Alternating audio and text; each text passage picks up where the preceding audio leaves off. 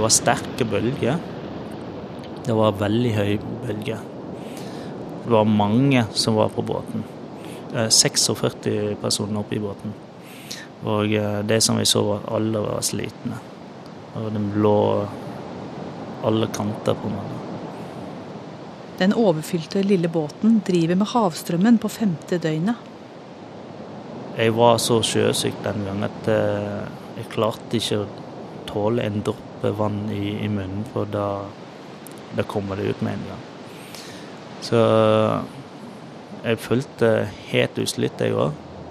Christian Hua er ni år gammel når foreldrene bestemmer seg for å ta med seg de fire små barna sine og flykte fra Vietnam.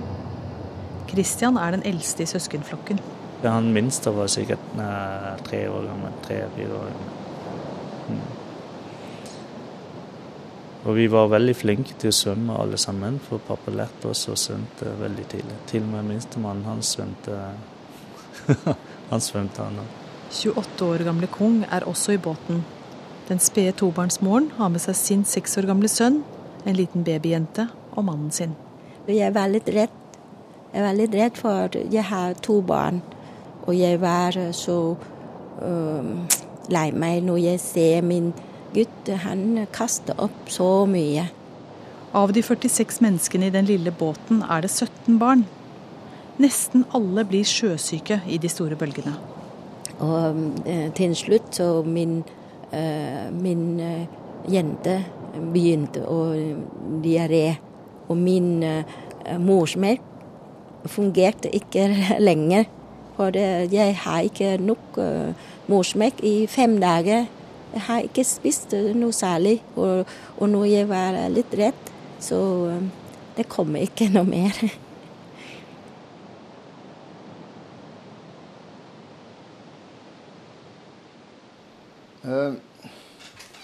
Det var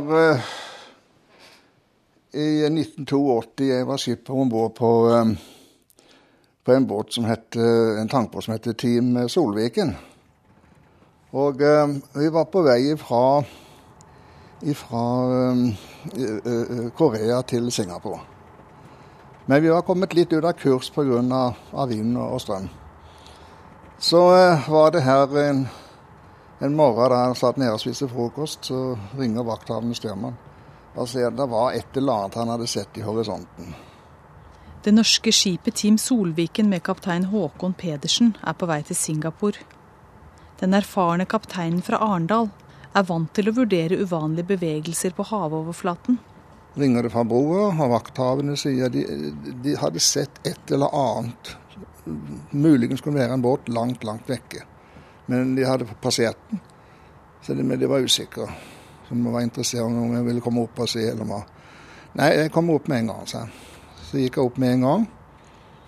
Og da, eh, med kikkerten, så så jeg noe langt, langt borte. Men, men så langt vekke at man er usikker på hva det var.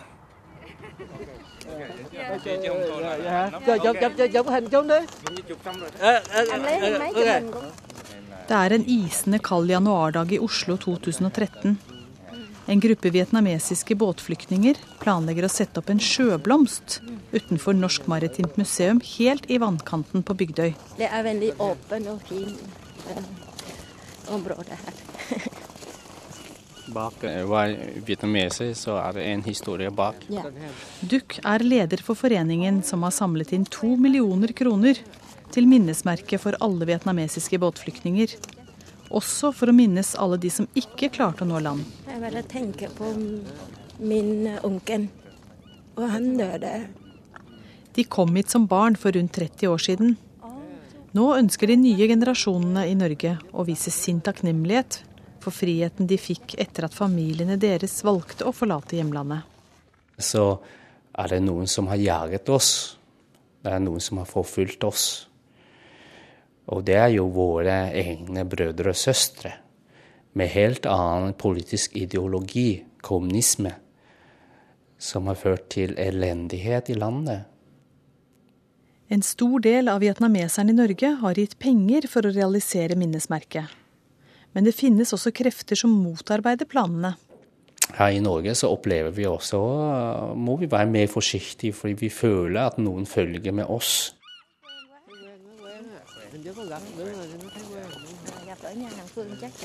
Her har vi plassen.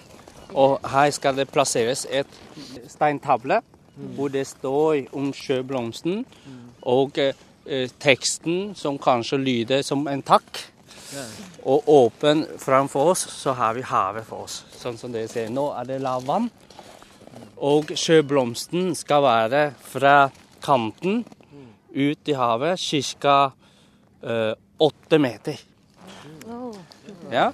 Og, det er fint. Ja, ikke sant? Også i sentrum av sjøblomsten skal være en lys skilde. Og her ute er ro og fred. Og her er et fint uh, plass for hvis man ønsker å minne den, den uh, dristige ferden som vi har opplevd gjennom rømninger, flukt. Da kan vi faktisk ha mulighet til å stå her og minne de som uheldigvis har ikke kommet fram til friheten. Mm. Vietnamkrigen er altså slutt, 30 år etter at den begynte som et opprør mot franskmennene. Inne i Saigon skal det være en trykket stemning. Alle forretninger og restauranter er stengt, og det er få mennesker ute på gatene. FNL-talsmann der sier at Saigons befolkning ikke har noe å frykte når de nå har lagt ned våpnene. Men hvorfor flyktet de? Den blodige Vietnamkrigen var slutt i 1975. Amerikanerne hadde trukket seg ut. Sør-Vietnam var nå erobret av det kommunistiske nord. Og flere hundre tusen sørvietnamesere ble vilkårlig arrestert og sendt i fangeleire der de skulle omskoleres til kommunistisk tankesett. Og eh, etter han eh, kom inn i omskoleringsleir, så, så jeg vet at jeg ble gravid. Og jeg, jeg var litt redd men etterpå ble jeg glad for at uh, jeg har um, Jeg skal ha barn. Kong er nå nygift. Mannen hennes hadde vært offiser i den gamle regjeringen i sør. Han og andre som kjempet på Sør-Vietnams side i den 30 år lange Vietnamkrigen, blir nå forfulgt og arrestert av det nye regimet fra nord. Mange blir sendt i fangeleire på ubestemt tid og uten dom. De sa at eh, han skal bare ta med seg mat til ti dager. Så etter ti dager begynner jeg å vente på han. Jeg trodde at han skal bare komme hjem. Uh, men uh, jeg har ikke tenkt at jeg måtte vente over fem år.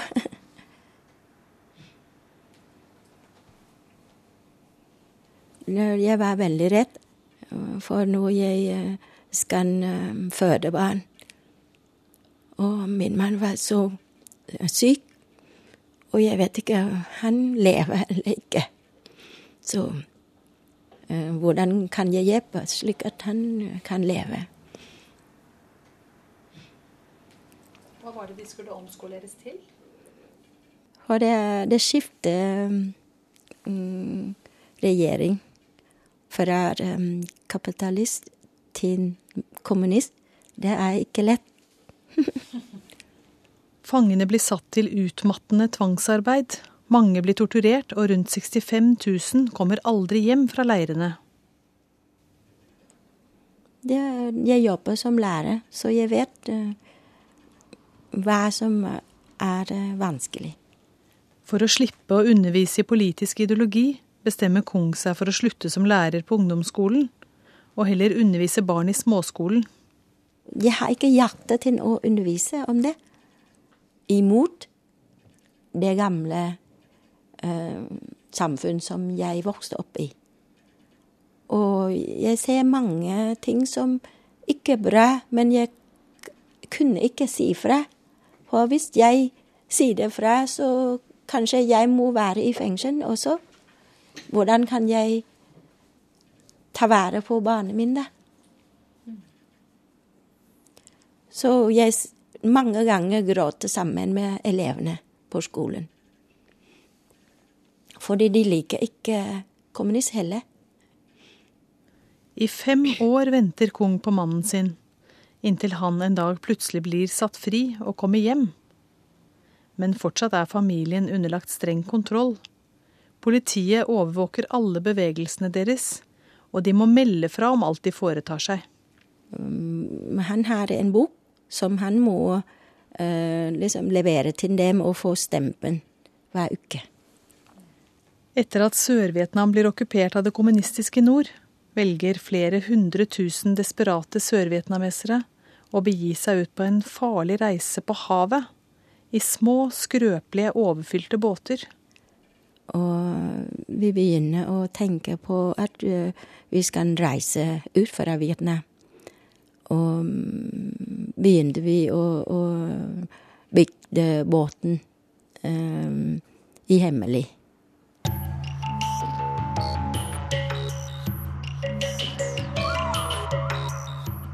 Også faren til Christian blir arrestert. Og alle familiens bevegelser blir overvåket av politiet. Min far var, han var jo soldat eh, før 1975. Etter krigen så prøver han bare å være Var ikke noe politisk engasjert i det hele tatt. Familiene later som om de er erfarne handelsfolk på elva men i hemmelighet samler de inn proviant og drivstoff. Jeg skulle være med han på, på handletur. Vi dro ned til uh, Benté og uh, Mita. Han uh, handlet uh, frukt og sånn. Så han brukte den tiden der til å forske området før vi skulle flykte. Og så etter eh, den turen med pappa, så eh, sa han til meg at vi skulle ut på havet.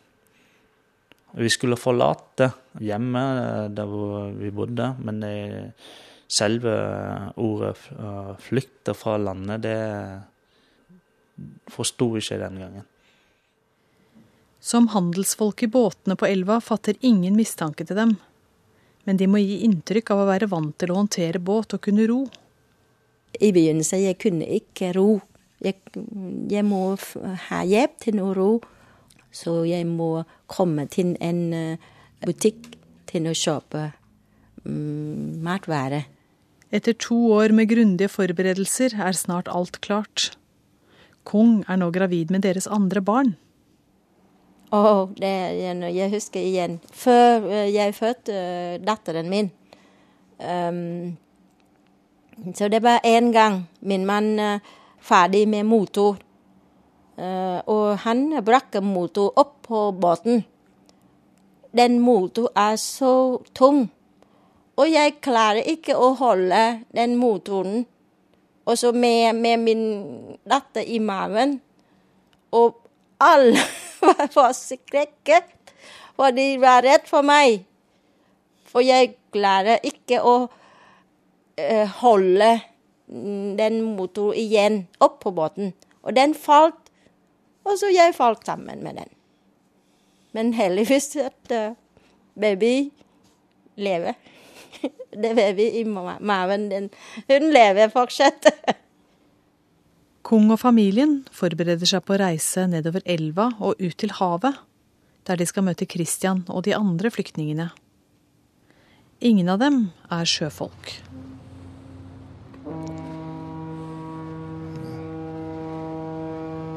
Her kommer Skilseferja. Den kommer fra Tromøya. Etter å ha seilt over hele verden for norske rederier, er kaptein Håkon Pedersen nå pensjonist i Arendal. 47 år til sjøs. Og da har han jo opplevd litt av hvert. Som den gangen han overraskende ble overfalt av pirater midt på natten. Sjørøverne kommer i hurtiggående hurtiggående båter, de. Og nå har det gått 30 år siden han plukket opp flyktninger fra sjøen i Sør-Kina-havet. De hadde begitt seg ut på en desperat flukt i en båt som er mye mindre enn fergene som går i sundet her i Arendal. Mange år på sjøen har lært han å aldri ta noen sjanser. Man skal ha respekt for sjøen. Men når nøden og panikken Så må en Så er det ingen annen utvei, da, da må en jo gjøre det.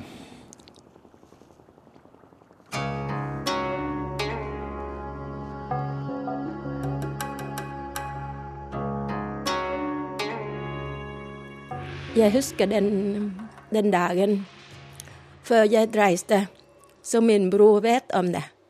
Jeg sitter i hengekøy sammen med min, eh, min datter. Og han sto i den andre uh, side av hengekøy. Han eh, dytter lite grann. Ingen må vite hvilke planer flyktningene har. I Kongs familie er det bare broren hennes som vet. Han sier Jeg kan ikke si noe til deg. Jeg vet ikke hva jeg skal si til deg. Og så gråter han, min bror.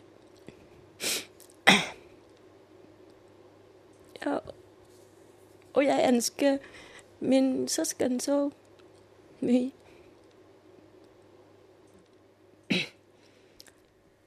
Um, min mor kunne ikke høre om at jeg skal dra. Hun kan bli syk, alvorlig syk, hvis hun vet at jeg går. Jeg skal reise, og det er farlig. Det er så farlig at jeg kan dø av det.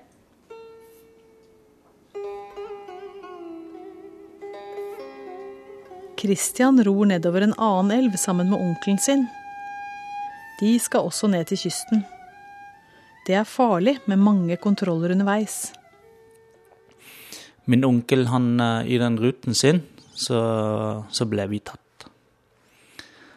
Uh, han ble uh, tatt på, på grunn av at de mistenkte at uh, min onkel ikke var handelsmann, men han drev med noe som var ulovlig den gangen.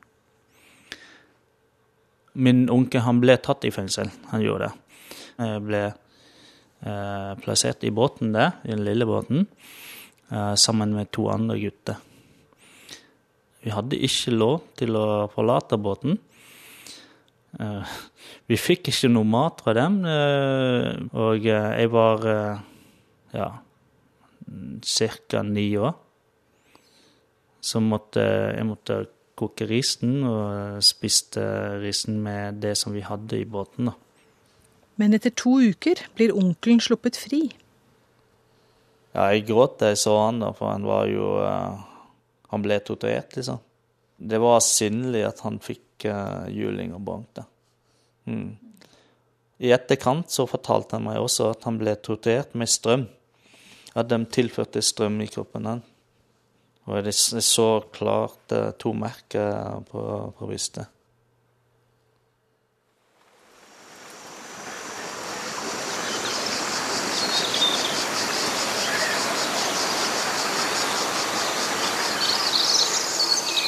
Christian og onkelen kan fortsette ferden nedover elva for å møte Kong og de andre flyktningene som har tatt en annen fluktvei ned til havet. Jeg husker regnlyder og Det er i juli, midt i regntiden. Luften er tung og fuktig. Ah, jeg husker det. Og det er det lydet som gjør at jeg blir redd. At de snakker sammen. Når de er inne i småbåt, i min båt, som er småbåt, og vi har over 20 stykker i båten, og jeg ba dem ikke snakke. Kong har skjult 20 flyktninger i sin lille elvebåt. Og så de røker også. Å, jeg var så redd. Jeg er redd at de oppdaget at vi har så mange folk inni den lille båten der. Så jeg ba dem kan dere være så snill å ikke røke og ikke snakke sammen. Hvis dere snakker, så bare hviske. Hviske sånn. Militærpolitiet patruljerer elvene jevnlig, på utkikk etter flyktninger på vei ned til kysten. Jeg må se over hvem som kommer nærmere oss. Og, og, og hvis de kommer, så må Hysj! Jeg, sier hysj, ikke snakk. ja, det regner mye. Det regner hardt. Rau, rau, rau. Rau, rau, rau, rau.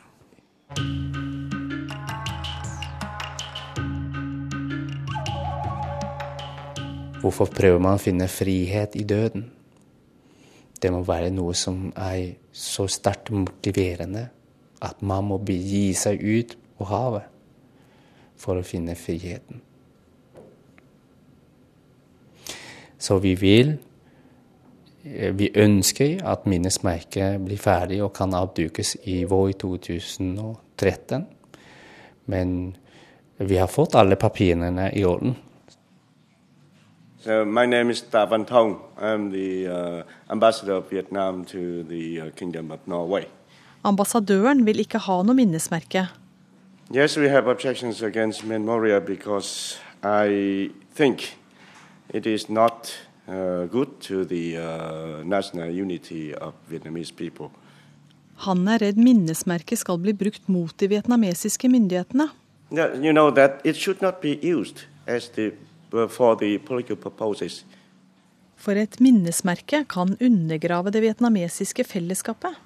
First, to uh, undermine the national unity of Vietnam. Vietnams ambassade i Norge har ingenting med minnesmerket å gjøre, men har likevel bedt om flere møter med Oslo-politikere og museet på Bygdø for å prøve å stoppe arbeidet med minnesmerket. Yes, because I'm afraid that it, it can be used for political purposes. Yeah, that's, that's what I'm very concerned. De vil ikke innse at vi tidligere levde under udemokratiske forhold. Under tvang, under forfølgelse og under undertrykkelse.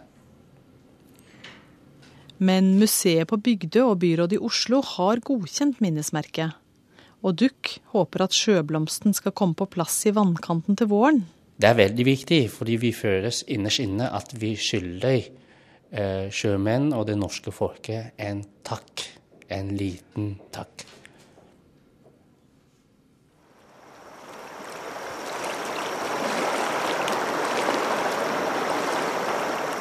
Og jeg kjøpte tørr banan. Og vi tok med oss også litt ris. Tørris. Tørr ris. Så um, for, forberede for lang reise. Hung har kommet fram til kysten med sin lille elvebåt. Christian og onkelen fant veien ned en sideelv. Andre familier har flyktet gjennom jungelen. Nå er alle stuet sammen under dekk på en 30 fots hjemmelaget motorbåt med en liten mast, slik at de også kan bruke vinden. Det er bekende mørkt denne natten da 46 flyktninger er på vei ut på havet.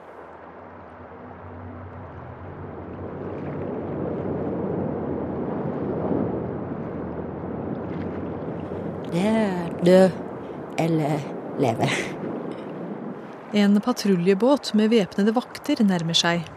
De er på utkikk etter flyktninger. To menn om bord. Eh, De har på seg eh, politiklær.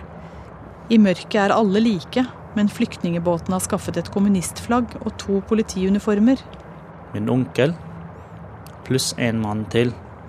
eh, De kledde seg ut som eh, politiet. De håper de kan lure kystvakten til å ikke skyte. Chiếu chiếu chiếu. Det betyr at lyset på de to som har uniform, og eh, flagg. Ja, han sa det. Så de nøler. De kan ikke skyte på flak og på politiuniform. Så de legger ge- gevær ned. Hvis ikke lyset eh, kommer på de to eh, politiuniform, så hadde kanskje vi blitt drept alt sammen. Men fortsatt følger vaktene dem ut mot havet. det var full gass med, med båten hele tiden hele veien. Og eh, de klarte til slutt å, å lurte disse kystvaktene å komme seg unna.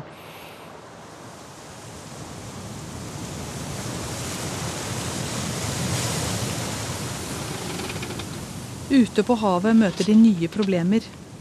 Motoren går varm og er ikke mulig å starte igjen. Etter motoren var ødelagt, så lot vi eh, båten flyte med bølger og vinden.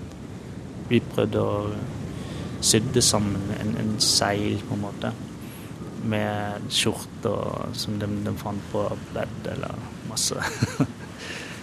Men uh, det var ikke nok til å, at den klarer å flyte båten i den retningen som vi ønsker. Det blåser opp, og den tynne masten tåler ikke kraften fra vinden og brekker. Det lyder av bølger. Dum, dum, dum. Om natten. Som gjør at vi blir redd. Vi mister etter hvert uh, uh, håpet.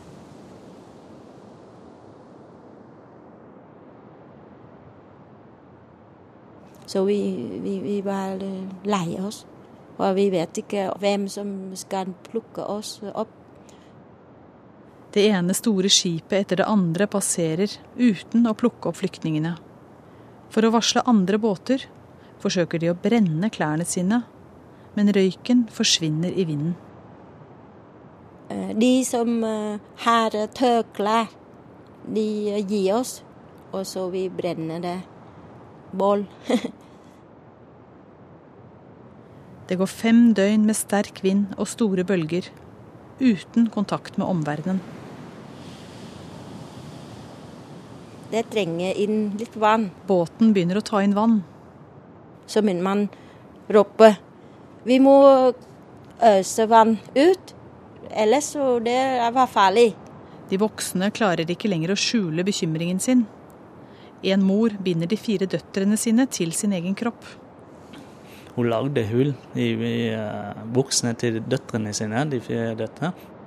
Uh, hun var forberedt at uh, om vi dør, om hun dør, så skal alle barna dø sammen med henne.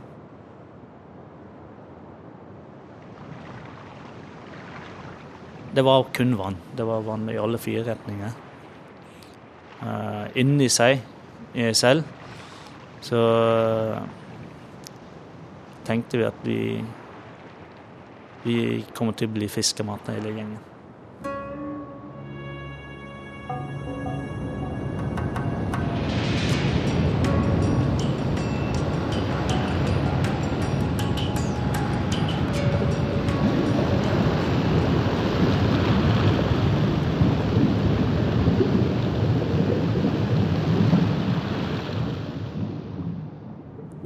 Skulle trekke litt frisk luft. Da jeg så langt ute havet der, så så jeg til slutt en svart prikke. Da fortalte jeg pappaen min med en gang at uh, det er noe der borte. Den norske oljetankeren Team Solviken er i Sør-Kina-havet med kurs mot Singapore. Pga. strømninger og uvær er de nå litt utenfor skipsleden. Eh, eh, det var så vidt vi kunne se det. Men vi ser nå langt, langt over i drøflete sjø, så man ser det at den båten var ikke god å se.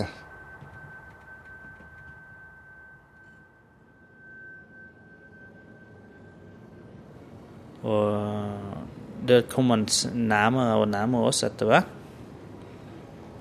Det var store bølger der den dagen også. De, vi streik, hele gjengen. Barn og, eh, og mødre. Eh, de streik etter hjelp. God dag, god dag, jeg, god dag, Ja, de roper sånn. Så vi var allerede passert den. Men uh, i kikkerten da fikk jeg se at uh, det var en som vinka. Kong sitter med babyen helt foran på båten slik at det store skipet skal se at de ikke er pirater. Uh, kanskje de tenker hvis vi, vi, er pirat eller noe sånt, så det er ikke farlig. Så jeg sitter med baby foran båt, båten. Og da kjente skjønte jeg det var flyktninger, så jeg snudde båten med en gang og kjørte bort til den. Den norske oljetankeren setter kurs mot den lille flyktningebåten. Når vi ser båten kjøre forbi, men de snur tilbake, så alle blir så glad. Vi er så glad når båten kommer tilbake. De kastet tau slik at du kunne feste det, men eh, de bommet flere ganger. Så var det litt sjø, så måtte, jeg måtte ta min båt, kjøre min båt slik at den lille båten lå i le, for den hadde ikke motor, verken motor eller, eller, eller seilføring. Ble litt panikk der nede, så jeg måtte rope ned. Jeg bruker sånn jeg roper og forklare. Jeg måtte Stay calm, stay calm in the boat. Hold dere rolig, hold dere rolig, skal vi ordne dette her. Så skulle de prøve igjen med å kaste flere tau ned, da. Men den bommet også igjen flere ganger pga. det var altfor store bølger. Båten flyttet eh, opp og ned. Mannskapet på Team Solviken får til slutt festet tauet. De var litt skeptiske hva slags folk de var, ikke sant. De, kunne, de visste det jo ikke. De, måtte jo, de la jo sine liv i våre hender.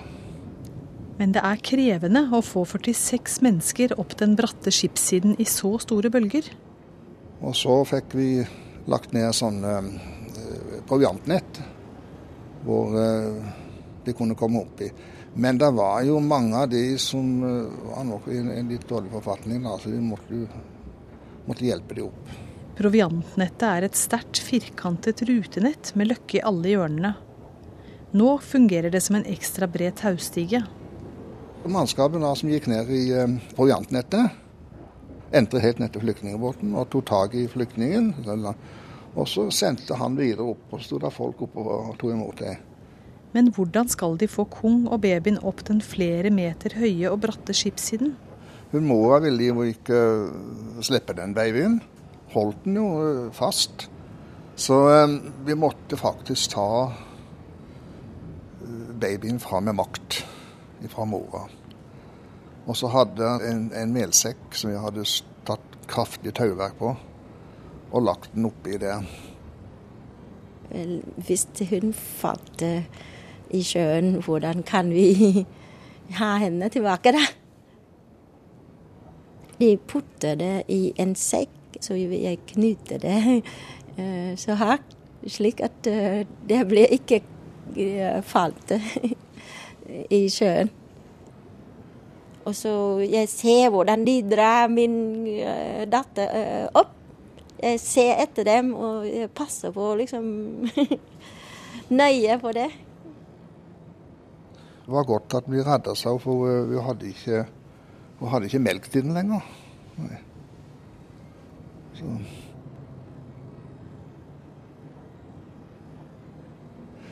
Eh, den båten, den, den var så full av vann at den uh, sokk like etterpå. Ja. De hadde ikke klart seg lenger, for de hadde ikke seil, seilføring. Maskiner har gått i stykker og sånn. Og, og så var de nokså langt utenfor den vanlige skipsleia. Så, og de var grunn vi også. Så, eh, så vi var, de var heldige, må man si. Det var tøft gjort. Og så ta ut sånn Man legger ikke ut med, med sånn en båt med 46 folk om bord, mest unger, da. Det gjør man ikke. Da er det nøden som tynger de. Mm, ja, jeg tror vi uh, ble reddet av norsk båt akkurat på tid. Alle nesten gir opp.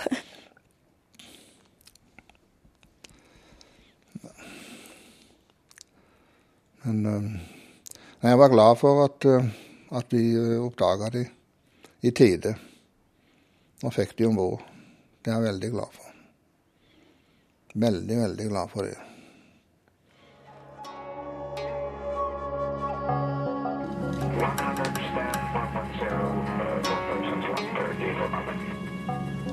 Når alle flyktningene er vel om bord på den norske tankeren, varsler kaptein Håkon Pedersen rederiet og konsulatet i Singapore. Ja, her har du da den eh, lista over de, over de, flyktningene som jeg, uh, som jeg redda, da. Så her står det her at uh, Vietnam refugees rescued of motortanker Team Solviken of Bergen, Norway. At 0850 Singapore time, July 30, 1982. In position, og så står posisjonene. Ellers så var det veldig, veldig mange band. Fire år, seks år, åtte, ti oppover. Ja. Og eh, den eldste var da eh, noen og 70. Og den yngste, det var en liten jente, hun var uh, født Ja, hun var faktisk syv måneder gammel når vi redda henne. Vi fikk grøt til første måltidet. Det var veldig spesielt, men det var veldig godt. For vi var, vi var, ikke vant til det, vet du. For eh, vi spiser ris sånn som det skal være. Men det som vi fikk var, eh, i båten, var at det, det, var grøt, det var ikke ris. Men i Vietnam så var grøt det er ikke så Det er ikke tykk heller. Så det er mer flytende når det er grøt.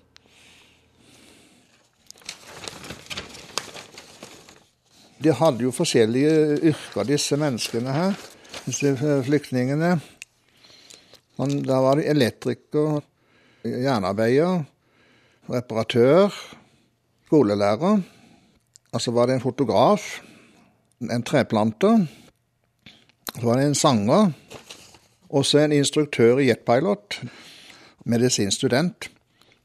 Han er jo lege nå i, her i Norge. Så de hadde jo yrker, og alle sammen. Så var det selvfølgelig de resten var jo yngre, da.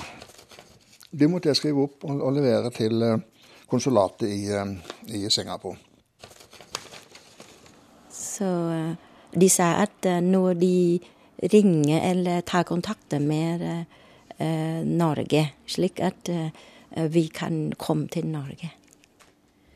Rundt 6500 vietnamesiske flyktninger ble plukket opp av norske skip i Sør-Kina-havet de fleste i perioden fra 1978 til 1982. Mange av dem kom til flyktningeleiren Batan på Filippinene, der det var et eget norsk mottakssenter. De sa at vi skal lære norsk, og vi skal lære om Norge før vi kom til Norge. I april 1983 kom 27 av flyktningene fra Team Solviken til Norge. Kong med mannen og barna har bodd i Oslo i alle disse årene. Mm, jeg ikke føler meg som norsk. Jeg, jeg er vietnamesisk. Jeg er ikke norsk. Men nå jeg bringer alle barna til Norge, så de er norsk. De er ikke vietnamesiske. Så um, vi må lære å forstå dem. Og de også må lære til å forstå oss. Det er, det er begge veier. Det er stor familie. Og vi har opplevd krigen i Vietnam, så vi jobber hardt. Vi er flittige, så vi oppdrar barna fra de var liten, at de må være mm, jobbe hardt og, og, og ikke tenke på seg selv og sånn. Men det er ikke lett. Norge er vennlig rikt land. Og når vi har penger, så vi tenker å gi til dem som ikke har penger. Men de, de bor i Norge, så de har ikke tenkt på den måten som oss.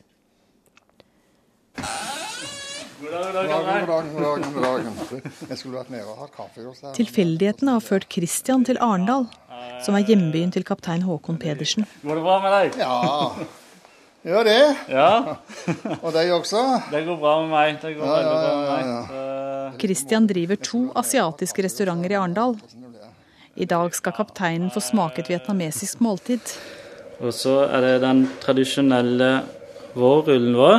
Oi, oi, oi. Ja. Den eh, Delikat. Delikat. Håkon har også med en overraskelse til Christian. Han har med en PC for å vise bilder fra den gang Christian ble reddet opp fra havet. Jeg tar bilde for bilde. Vi har, vi har herregud. det. det er- Der har du hele gjengen igjen. Ja, hele gjengen.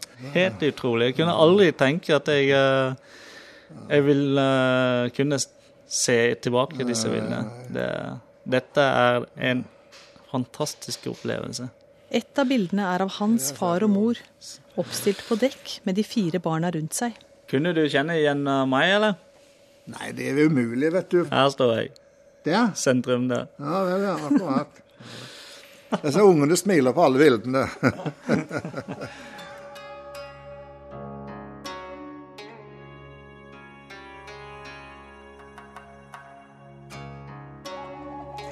Nå vil de vietnamesiske båtflyktningene takke norske sjøfolk med sjøblomsten.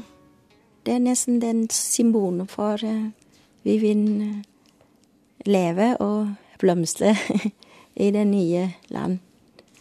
Ja. Minnesmerket er en takk for at de ble reddet opp fra havet. Vi ønsker å takke for friheten, og det vil sannsynligvis vietnamesisk ambassade ikke vedkjenne. Duck mener at den vietnamesiske ambassaden følger med på dem som arbeider med minnesmerket. Noen har blitt nektet å besøke familien i hjemlandet. Og det ser ut som vietnamesiske styremakter de har folk overalt, og de følger med. Og straks de ser navnet ditt, så, så vet de hva de skal gjøre. Det er bare tre år siden Vietnam fikk ambassade i Oslo. Vi eh, vietnamesiske båtflyktninger, vi har ikke ønsket vietnamesisk ambassade her. Vi har ikke hatt behov for det, og vi trenger ikke det. Når noen blir nektet innreise til hjemlandet, så er det av sikkerhetshensyn, forklarer ambassadøren. Some cases that have been denied. I think uh, that's because of the security reason. Yeah, and, and also, and they wanted to carry out some activities that they have not received the permit. Etter at ambassaden kom, så har vi merket at vi ble indirekte forfulgt. Vietnamesiske flyktninger i Norge mistenker at miljøet er infiltrert. Men ambassaden kjenner seg ikke igjen i disse påstandene. No, uh, we, we don't have any such kind of infiltration here. No, no, absolutely no. So you don't uh, recognize anything of uh, these allegations? No, no, no. I can tell you that is not true. Yep. Selvsagt, hvis vi har noe veldig konkret, så kan vi alltid gå til politiet og så anmelde det. Men eh, eh, de er jo flinke med det, spionasje og forfølge folk. Også Kung har opplevd at nær familie har blitt nektet innreise fra Norge til Vietnam. Det, det var jeg sint, altså.